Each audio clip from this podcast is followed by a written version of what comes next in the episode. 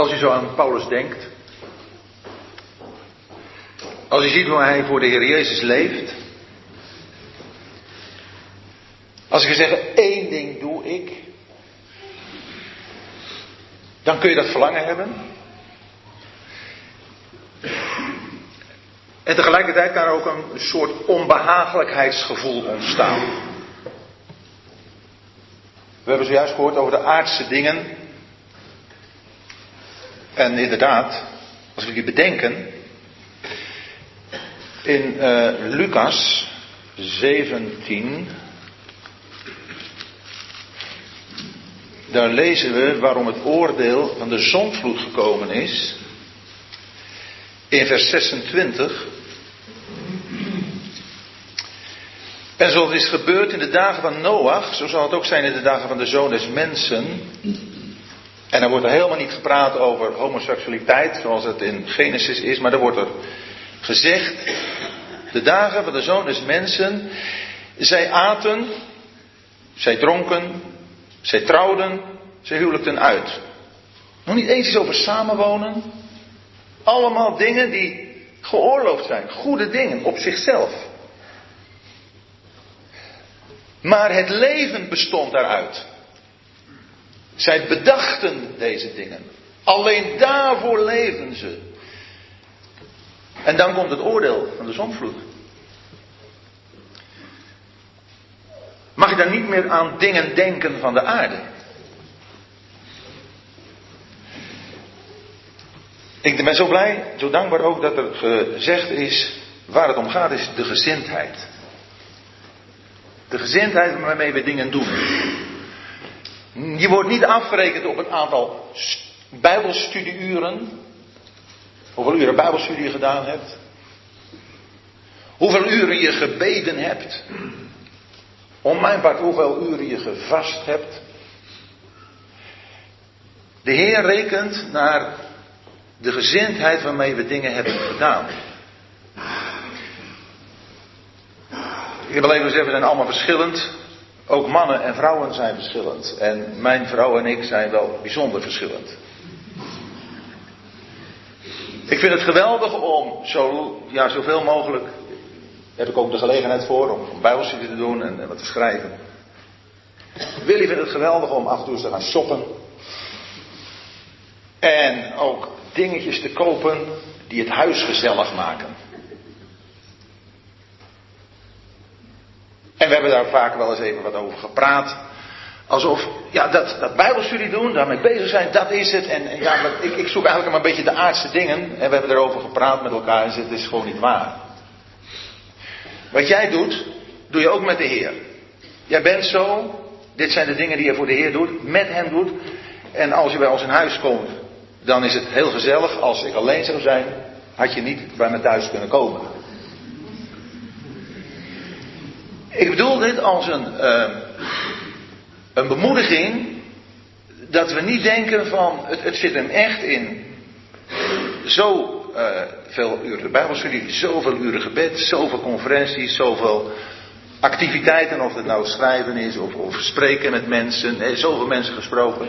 Is allemaal goed en belangrijk. Maar het moet wel zijn wat de Heer je op je hart legt. Het moet wel gebeuren voor Hem. En als er dan mensen, vrouwen, zussen zijn die, die wat meer in die, die creativiteit zijn, prachtig. Gebruiken voor de Heer. Daarmee bezig zijn. En er is al even gewezen op vergelijking. En ik weet dat er een keer een broeder in, in de samenkomst is gesproken heeft over de zonde van vergelijking. Het is zonde om elkaar, of jezelf met een ander te vergelijken, of anderen met elkaar te vergelijken. Ieder van ons is uniek. Je hebt unieke capaciteiten, kwaliteiten. En het grote gevaar is natuurlijk dat wat je ook hebt aan kwaliteit, dat je dat voor jezelf gebruikt, met het oog op je eigen eer. Dat moet je veroordelen. Dat gevaar is, of dat nu de inrichting van een huis betreft, of dat dat bezig zijn met de dingen van de Heer, de, de, de betreft.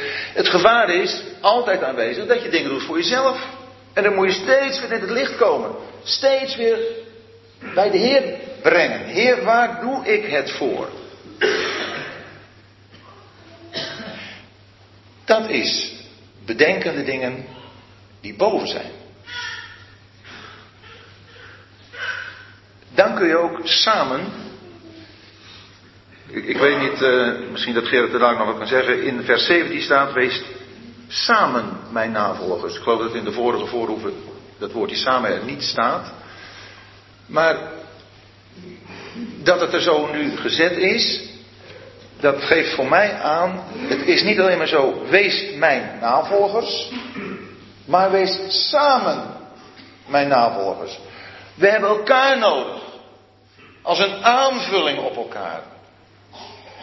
Alleen als we zien dat iemand iets doet voor zichzelf, voor zijn eigen eer, in, in wat voor opzicht ook, dan moeten we daarover spreken en dan moet dat beleden worden. Is het zonde? Maar verder is het zo belangrijk dat we kwaliteiten en capaciteiten die iemand heeft en voor de Heer, echt voor de Heer alleen wil gebruiken, te bemoedigen, te stimuleren. Al heb ik ergens helemaal niets mee. Maar het geweldige om in de ander te ontdekken wat de Heer gegeven heeft en wat hij of zij voor de Heer wil gebruiken. In de meest dagelijkse dingen. Daar gaat het om. Dan wordt Christus zichtbaar.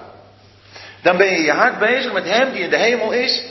En dan kun je al die dingen die je doet voor Hem ook bij Hem brengen. Heer, dit doe ik voor U. En dan mogen anderen van meegenieten. In welk opzicht ook. Dan ben je bezig samen te wandelen zoals u ons tot voorbeeld hebt. Paulus en ja, nogmaals, ik wil het nog een keer onderstrepen. Ik vind het zo belangrijk, heb ik gehoord, net ook in de bespreking. Dit voorbeeld is die gezindheid. En laten we die gezindheid, zo ook tegen mij gezegd, die gezindheid uiten. Die gezindheid verlangen. Die gezindheid naar elkaar toe uitstralen.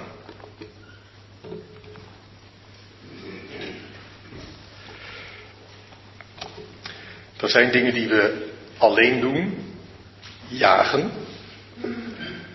Er zijn dingen die we samen doen, in hetzelfde spoor blijven, met elkaar, in de maat blijven.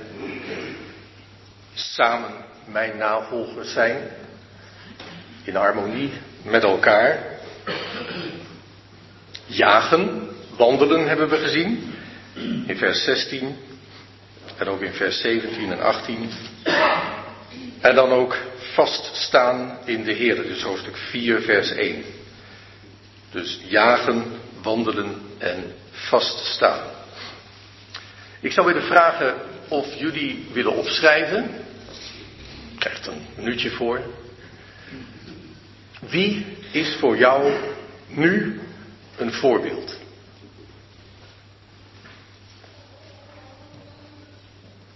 Een minuut gaat in. We hebben het over gehad, die leeft niet meer.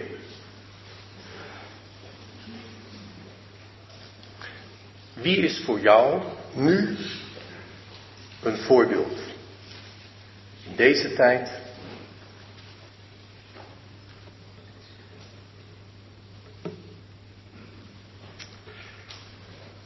Goed. Nou, misschien is het goed om niet met elkaar dat te delen, maar als die persoon die jij opgeschreven hebt voor jou een voorbeeld is, niet om daarmee te vleien, maar eens met hem of haar te gaan praten. Heel dichtbij. Zodat je van elkaar leert. En misschien heb je wel iemand nodig die je ondersteunt, die een buddy voor je is.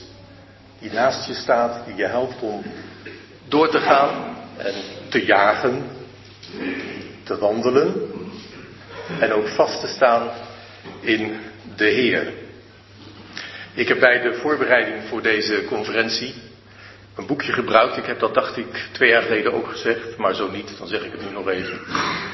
En dat heet Een leven dat zin heeft. Dat is van uh, Nicky Gumbel. steengoed boekje. Kan ik jullie allemaal aanraden om te lezen.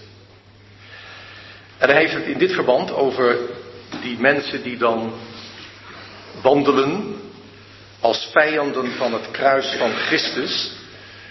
Over drie mensgerichte uh, ambities die zij hebben. En die wil ik jullie graag voorhouden. We hebben het gehad over de mooie voorbeelden, over Paulus. Maar er zijn ook helaas mensen die ons op een verkeerd pad kunnen brengen. Nou, ze staan hier genoemd. Hun God is de buik. Nou, daarvan zegt hij dit. Hun God is persoonlijke bevrediging, zinnelijkheid, geneigd tot fysiek genot, gericht op erotisch genot. Ik weet niet of het er allemaal in zit, maar het sprak me wel aan. Wat ik zelf bedacht heb is dit. Wie van jullie heeft wel eens een Magnum ijsje gegeten? Ja. Magnum ijs. Nou, nu is de reclame daarvan Release the Beast. Of Dare to go double. Ontdek de verleiding. En een paar jaar geleden was de reclame De zeven zonden uit de Bijbel. Vertaald in het Nederlands wellust, luiheid, gulzigheid, hebzucht, afgunst, wraakzucht en ijdelheid. Nou, daar wordt op ingespeeld. Waar jij naar verlangt. Wat jij belangrijk vindt. Een vakantie die bij jou past. Kijken jullie wel eens de reclame op de televisie of luisteren jullie wel eens naar de radio? Het gaat allemaal over wat jou uitkomt. Op de tijd die jij wilt. Een programma op het moment dat jij het wilt bekijken. Nou, dat is denk ik wat ons ook nu gebeurt. En dat heeft invloed op mij. Hun God is de buik. De tweede ambitie is, hun eer stellen ze in hun schande. Hun heerlijkheid staat hier in hun schande. En de derde is, ze bedenken aardse dingen. En hij schrijft dan heel mooi, in dit gedeelte, ook wat we vanochtend gezien hebben, zijn twee krachten aan het werk. Aan de ene kant de opstandingskracht van de Heer Jezus. Daar hebben we over nagedacht het vorige jaar in vers 10. En aan de andere kant de kracht van zinnelijke begeerten. En ik weet niet hoe het jullie vergaat in je leven, maar ik merk die twee krachten iedere dag in mijn leven. Aan de ene kant die positieve opstandingskracht van de Heer Jezus. En tegelijkertijd is er een kracht die mij naar beneden wil trekken. Een neergaande spiraal. En die wordt alleen maar gevoed door dingen die je ziet, die je hoort, door de contacten met mensen. Twee krachten, twee goden. De Heer of onze buik. De zinnelijkheid. Twee levensstijlen noemt hij. Een levensstijl of een leven dat bereid is deel te hebben aan Christus lijden. Hoofdstuk 3, vers 10. Of een leven dat gericht is op gemak en comfort. En ook twee houdingen ten opzichte van Jezus Christus. Of intieme vriendschap, of je bent een vijand van het kruis van Christus. We hadden afgelopen weken uh, woordbediening bij ons in Brunsum. En door Jaap Noorlander. En die sprak toen over intimiteit met God. En hij noemde een aantal figuren uit de Bijbel. Abraham, vriend van God. Noach, wandelde met God. Uh, een David, uh, een man naar het hart van God. En hij noemde hem Maria, die zat aan de voeten van de Heer en in staat was om ook hem dan hulde te brengen. Nou heb ik die hele close intimiteit met Jezus Christus. Nou, ik vond het heel mooi. En ik dacht, het heeft mij gezegend, het boekje. Misschien is het goed om door te geven. En ik hoop dat jullie dat hebben opgeschreven. Twee krachten, twee goden, twee levensstijlen, twee houdingen. En wat doe ik ermee? Wat doen jullie ermee? En als je een voorbeeld hebt nu in deze tijd, zorg dat je heel dicht bij hem of haar blijft en het met elkaar ook erover hebt van hoe kan ik een discipel, een volgeling van de Heer Jezus worden, zoals jij voor mij een voorbeeld bent. Ja, Gerard daagde ons uit om na te denken over voorbeelden. En uh, ik heb al eerder gezegd, we zijn in India geweest en daar heb ik een aantal voorbeelden gezien. Van broeders en zusters die de Heer dienen met hun hele hart.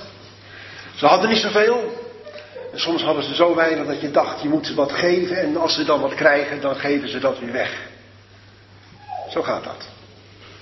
Broeder, die al 35 jaar of zo evangelist is. En zijn bankrekening is altijd nul. Dat heeft ook wel wat effecten gehad in zijn gezin natuurlijk. Het is niet eenvoudig geweest. Maar er is geloofsvertrouwen. En dat zijn dus voorbeelden voor mij. Ja, dat was waar toen wij erheen gingen dachten we gaan wat brengen, maar we hebben ook heel wat geleerd. Voorbeelden. Het is zo goed dat Paulus dit zegt. Wees samen mijn navolgers, broeders, en ziet op hen die zo wandelen als u ons tot voorbeeld hebt. Er zijn genoeg voorbeelden om je heen. En ik denk dat we niet alleen moeten denken aan Timotheus en Epaphroditus. Natuurlijk, die heeft hij genoemd. Maar er waren er ongetwijfeld in Filippi nog meer. Kijk maar om je heen. Er zijn er. Er zijn er in je eigen omgeving die de Heer dienen. Misschien zijn ze niet volmaakt, maar ze zijn er. En, en, kijk maar hoe zij de Heer dienen. Met welke gezindheid, met welke drive. Probeer niet hun gedrag te kopiëren. Het is geen kopieermachine die de Heer gebruikt. Maar probeer, volg hun geloof na, zegt onze, onze Hebreeënbrief. Volgt hun geloof na. Hun vertrouwen op de Heer. Want velen wandelen, en Gerard heeft het al even gezegd, van wie ik u dikwijls heb gezegd en nu ook wenend zegt dat zij de vijanden van het kruis van Christus zijn. Paulus had daar verdriet van. Dat is heel belangrijk, denk ik, om dat te zien. Als hij speciaal afscheid gaat nemen van de oudste in Efeze, dan roept hij hen bij zich. En dan zegt: Ik heb drie jaar lang, nacht en dag, onder tranen mensen terecht gewezen. Onder tranen. Als hij de tweede Korinthebrief schrijft, dan maakt hij duidelijk: die eerste heb ik geschreven onder tranen. Paulus heeft gehuild. De Heer Jezus zegt over Jeruzalem, Jeruzalem, Jeruzalem, de profeten dood, dood en stenen die tot u gezonden zijn. Hoe vaak heb ik u niet hè, willen vergaderen als een hendaar kiekens. En hij zegt het wenend. Hij weent over Jeruzalem. Het doet pijn als je ziet dat mensen een ander pad opgaan. Als het je eigen kinderen zijn, nog meer. Het doet pijn als je ziet dat broeders met wie je samen hebt gestreden een ander pad opgaan. Het doet pijn. Maar je gaat niet met hem mee. Dat doe je niet. De pijn die je hebt is niet natuurlijk te verzachten door met hen mee te wandelen. Dat lukt natuurlijk niet. Dat gaat niet. Dan ga je zelf ook de verkeerde kant op. Het heeft geen zin om met die mensen op te lopen.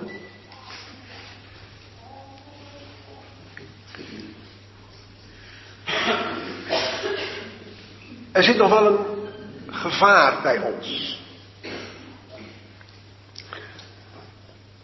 Wij christenen hebben het gevaar om in de 19e eeuw van de romantiek te leven.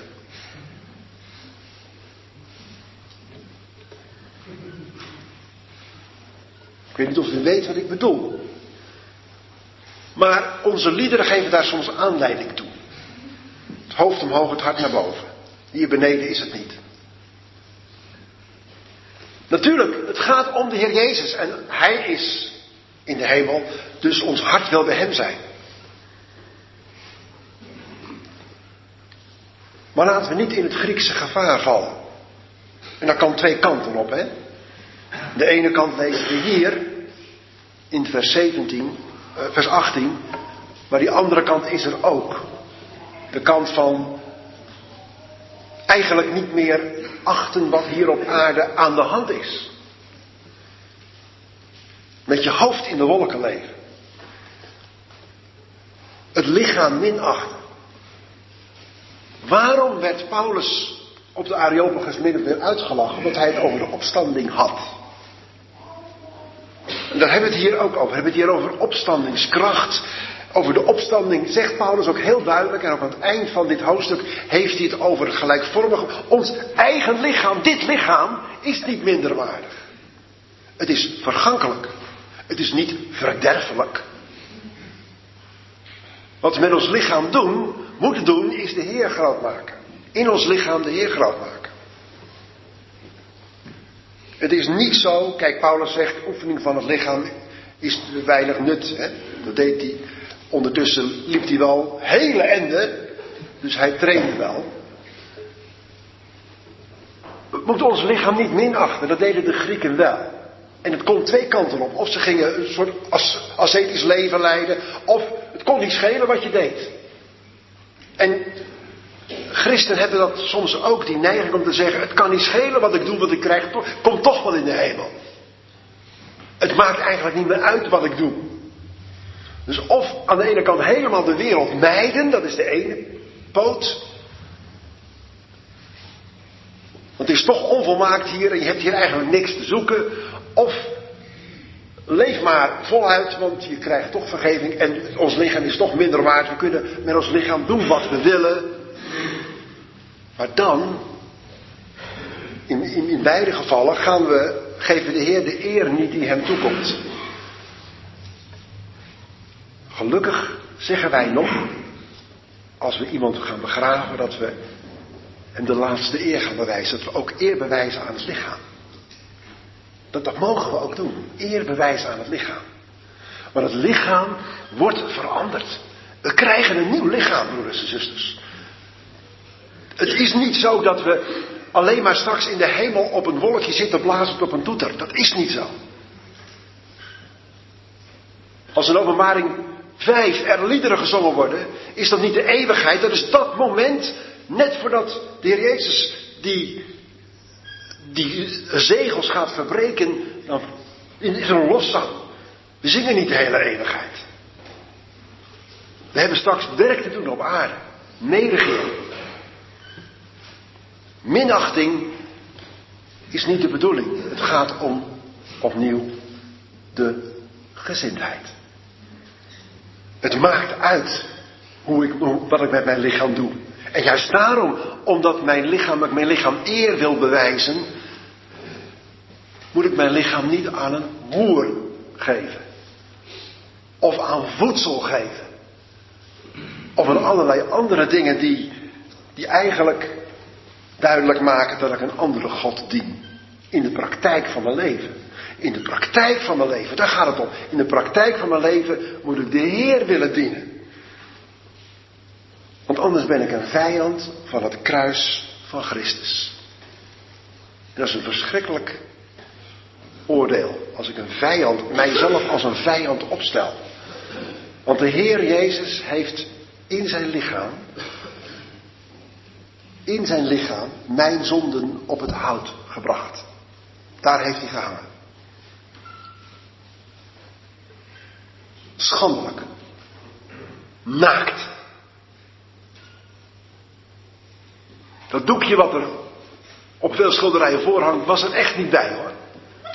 Hij hing daar in de volle schande van mijn zonde.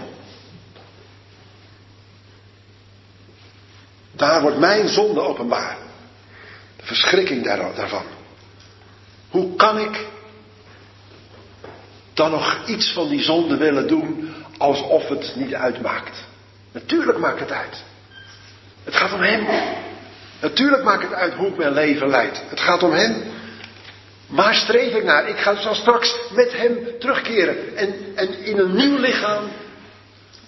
Gelijk aan het lichaam van de heerlijkheid van de Heer Jezus. Gelijkvormig daaraan zal ik Hem dienen.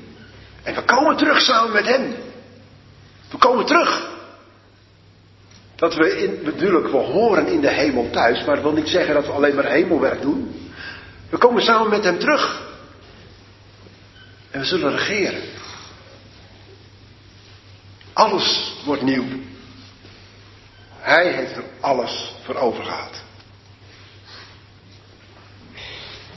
Even een uh, vreemd verhaal. Een aantal jaren geleden, al flink wat jaren geleden, was er een uh, vrouwelijke collega die kwam naar mij toe en die zei met een heel serieus uh, gezicht: Gerard, ik wil binnenkort samen met enkele anderen aan een andere collega als cadeau een kookboek geven. En dan willen we graag iets inzetten waarvan ik weet dat het in de Bijbel staat, maar ik weet niet waar. En dat is het zinnetje, hun God is de buik. En ze zei, uh, jij weet vast wel waar dat staat. Um, wil jij dat eens voor mij opzoeken en opschrijven met de plek waar het staat erbij? Ik zei, dat is goed, morgen krijg je het. Nou, u begrijpt, ik heb niet alleen maar die paar woorden opgeschreven. Ik ben begonnen bij vers 18. En ik heb het opgeschreven tot en met vers 19, misschien zelfs nog 20, maar in ieder geval tot en met 19. Ik wou alleen maar mee zeggen, uh, zo'n zinnetje kan een heel eigen leven gaan leiden. En uh, dit werd gevraagd door iemand wier levensstijl uh, op meerdere fronten uh, over de schreef ging. En die echt, als ze zich niet bekeerd heeft, um, het verderf ziet. En daarom vond ik het belangrijker dat ze niet alleen wist waar dit ene zinnetje stond. En we hebben er al het nodige over gehoord. De buik als zetel van verlangens, zinnelijkheid. Um, er staat achteraan in vers 19, hun heerlijkheid is in hun schande, even in gewone moderne taal gezegd, en ze zijn er nog trots op ook.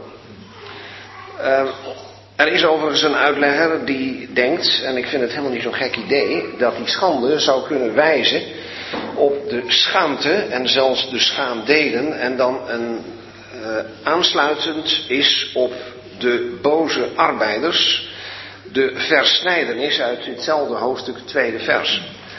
Die dus zo'n nadruk leggen op de besnijdenis als fundamentele voorwaarde dat ze daarmee versnijden, oftewel de boel kapot maken.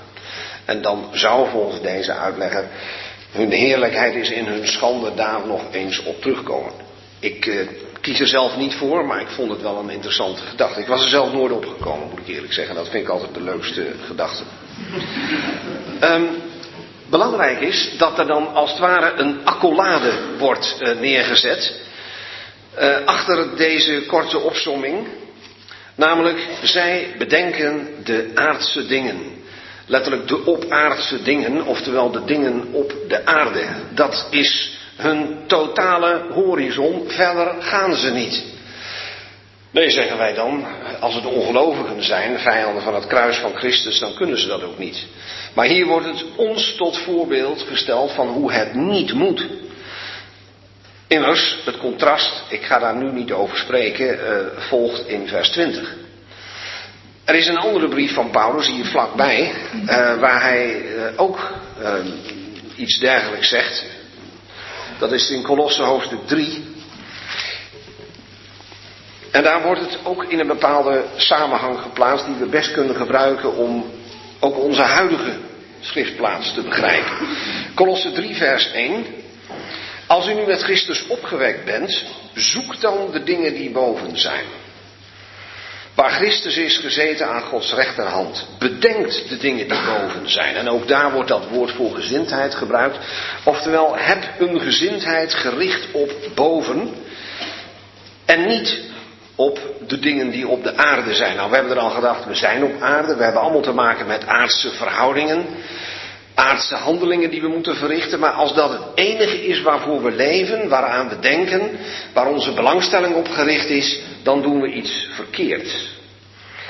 In Colosse 3 gaat Paulus zelfs nog verder, want hij zegt in het derde vers als reden om dat niet te doen. Eerst heeft hij gezegd, jullie zijn met Christus opgewekt. Alle reden om dus na te denken over de plek, de sfeer waar Christus nu als de opgewekte en, zoals we al een paar keer gehoord hebben, verheerlijkte Heer aanwezig is. Maar de apostel is kennelijk nog niet helemaal tevreden met zijn motivatie, want hier in 3 vers 3 zegt hij, want u bent gestorven. En uw leven is met Christus verborgen in God. Oftewel, het verschil tussen hemel en aarde hier is een verschil tussen leven en dood. Dat leven dat wij ontvangen hebben, leven met Christus, dat zou ons hele denken, ook als het gaat om de dingen die we hier op aarde doen, moeten kenmerken. En Ger heeft al iets in die richting gezegd. Uh, we kunnen uh, op een bijzonder geestelijke manier bezig zijn met aardse dingen. En ik vrees dat we helaas geestelijk werk kunnen verrichten in een aardse gezindheid. Misschien zelfs een vleeselijke. Paulus laat hier zien waarom dat niet moet. De dood, het kruis, staat tussen ons en deze wereld. Laat dan ook in ons denken en handelen niet zijn dat eigenlijk bij de wereld hoort en niet bij de nieuwe wereld waartoe wij zijn gaan behoren. En dan is het ineens, te midden van allerlei aardse werkzaamheden die velen van ons nog elke dag moeten verrichten, mogelijk om ze niet te bedenken. Dat betekent niet dat we ze dan maar van onachtzamen, nee, gewoon ons werk doen. Maar dat doen vanuit het denken de gezindheid, de sfeer waarin Christus is. Zoals een Nehemia, heel bekend voorbeeld, maar het heeft mij altijd aangesproken. Toen hij een uh, vraag kreeg, in de korte tijd tussen vraag en antwoord, tot de God des hemels bad en toen antwoord gaf. Nou weet ik wel, dat had te maken met de toestand van het volk, kun je heel geestelijk uitleggen, maar de man was wel gewoon aan het werk. En was daarin een voorbeeld. Binnen de aardse verhoudingen dacht hij op een hemelse manier, als ik het even zo op ons mag overbrengen.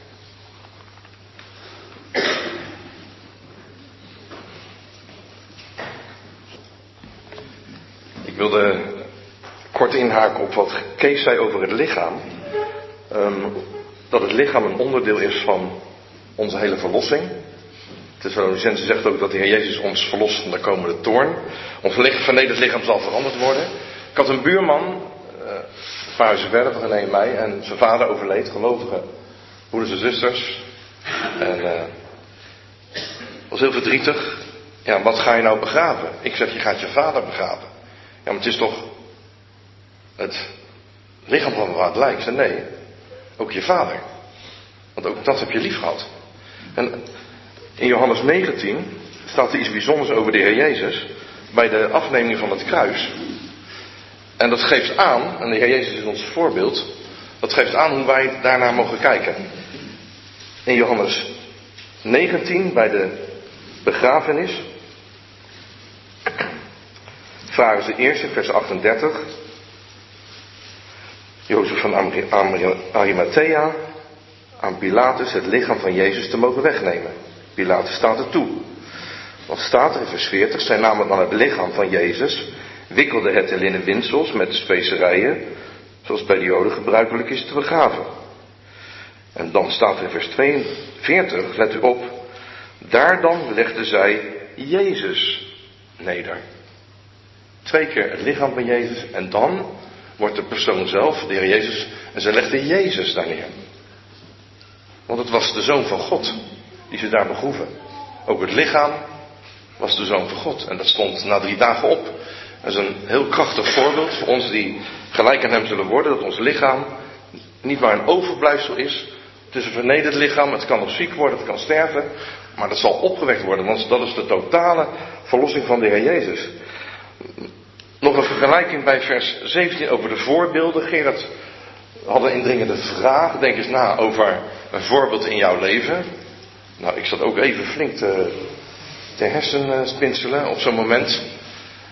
En ik kwam bij een eenvoudige zuster bij ons in het lokaal, die bij ons bij de, bij de gemeente Broeders is gekomen. Heel eenvoudig in haar leven. Ik vond het ook mooi wat Ger zei over dat man-vrouw zijn. U kent het verhaal, Lucas 10, Maria, die koos het goede deel en, en er wordt altijd negatief gekeken naar Martha.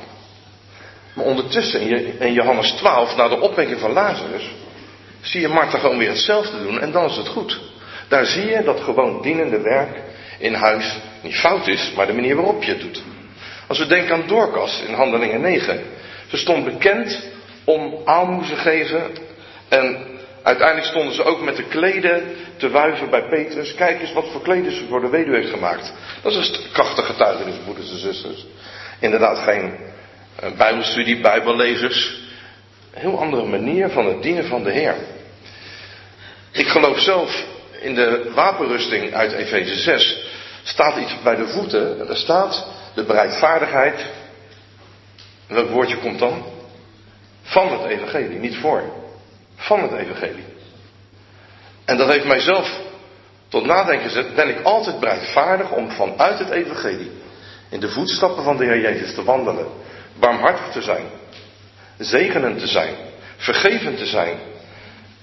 Ja, nog meer zegt de Heer door de Geest, een fontein van levend water kan uit mij stromen door de Heilige Geest.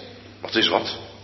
En dan komt nu de uitdaging van de Heer uit Matthäus bij vers 17 over wees alle mijn navolgers.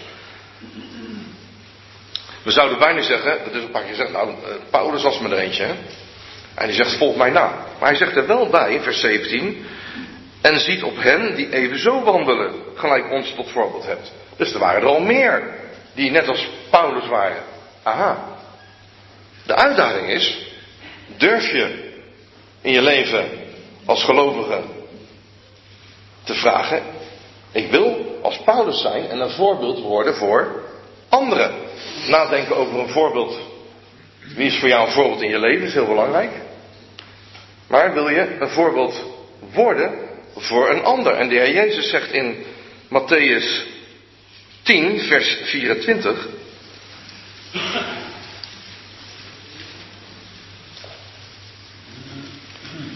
Matthäus 10, vers 24. Een discipel staat niet boven zijn meester. Of een slaaf boven zijn heer. Nee, dat, dat geloven we. Onderschrijven allemaal terecht. Dat kan niet. Dat, dat wil ik ook niet. Maar dan zegt de Heer Jezus. Het is genoeg voor de discipel te worden als zijn meester. En voor de slaaf als zijn heer. Wat? De Heer zegt gewoon. Maar dat is genoeg. Dat je gelijk wordt als ik, jouw Heer, jouw meester. Maar dan zei hij, de Heer, wat vraagt u nou van me? Wat zegt u nou toch? Hoe kan dat? Ja, dat is genoeg. Het is genoeg als je in je leven wordt zoals ik, jouw Heer, jouw meester. Kan dat dan? Ja, de nieuwe schepping, de nieuwe mens, door de Heilige Geest wil de Heer ons leren dat we in staat kunnen zijn en worden en groeien om gelijk aan Hem te worden. Bijna hoogmoedig gaan we dan zeggen om dat te denken, maar Hij heeft het gezegd, niet wij. Het is zijn uitdaging, zijn woord hier, is dat verlangen, is die gezindheid waar we het over hebben, in ons hart. Wauw Heer, als u, als u dat van mij vraagt, u heeft alles voor mij overgehad. Ik ben gekocht en betaald door uw kostbare bloed. Ik ben uw eigendom geworden. U bent mijn eigenaar. En u wilt dat, dat ik aan u gelijk kan worden, mag worden? Nou heer, als dat mogelijk is, net als Petrus in het schip, zegt u het maar, dan kom ik. Dan stap ik uit die boot. Dan laat ik de veiligheid van mijn comfort los. En ik wil in geloof uitstappen. Ik wil in geloof daartoe groeien. Als afsluiting, Matthäus 28 aan het eind, kent u de zendingsopdracht die de Heer Jezus geeft. Maak alle volken tot mijn discipelen. Hen dopende, dat is een duratieve werkwoordsvorm, die continu doorgaat. Hen dopende in de naam van de Vader, de Zoon en de Heilige Geest. En hen lerende onderhouden al wat ik u bevolen heb. En dat lerende, dat is een continu proces, een duratieve werkwoordsvorm. En dat mag een verlangen zijn in je leven. Paulus deed eigenlijk niks anders zoals de andere apostelen. Andere mensen discipelen. En hen laten groeien tot volwassenheid om gelijk aan hem te worden. Eigenlijk zoals Christus. Gelijk aan Christus te worden. Om ook een voorbeeld te worden. Zodat je in staat bent door de Heer Jezus en de Heilige Geest. Om andere mensen te discipelen. En dat is niet van kom er maar bij en doe maar mee en dan gebeurt alles vanzelf. Dat kost, dat hebben wij ook ervaren in allerlei studies, alfa-cursussen geven. Kost heel veel tijdsinvestering aan mensen, mensen begeleiden, mensen bezoeken, bidden met mensen, voorgaan met mensen. Heel veel wijsheid, fouten maken ook daarin, gaan we het goede. Maar dat is echt in mijn leven een uitdaging geworden. Kan dat als je twintiger bent? Ja, voorzichtig. Voorzichtig. Toch geeft de Heer je de mogelijkheid, de bekwaamheid, als je Hem hebt aangenomen in je leven. En je, je wilt volgens deze gezindheid leven. Dat jij voor een ander, hoe klein ook, een voorbeeld kan zijn. Een verschil kan maken. Van leven en dood. Dat kan. Maar het is jouw keus om te zeggen, Heer, ik wil uitstappen. Wilt u het me laten zien? Wilt u broeders en zusters geven die me daarin helpen? Want wij zijn uiteindelijk die hemelburgers zijn vertegenwoordigers op aarde. En overal waar u, waar jij en waar ik ben, is een, ja, ik zeg het meestal zo, is een stukje vierkante meter van het hemelse koninkrijk op aarde. Waar het leven is, omdat daar de levensvorst woont.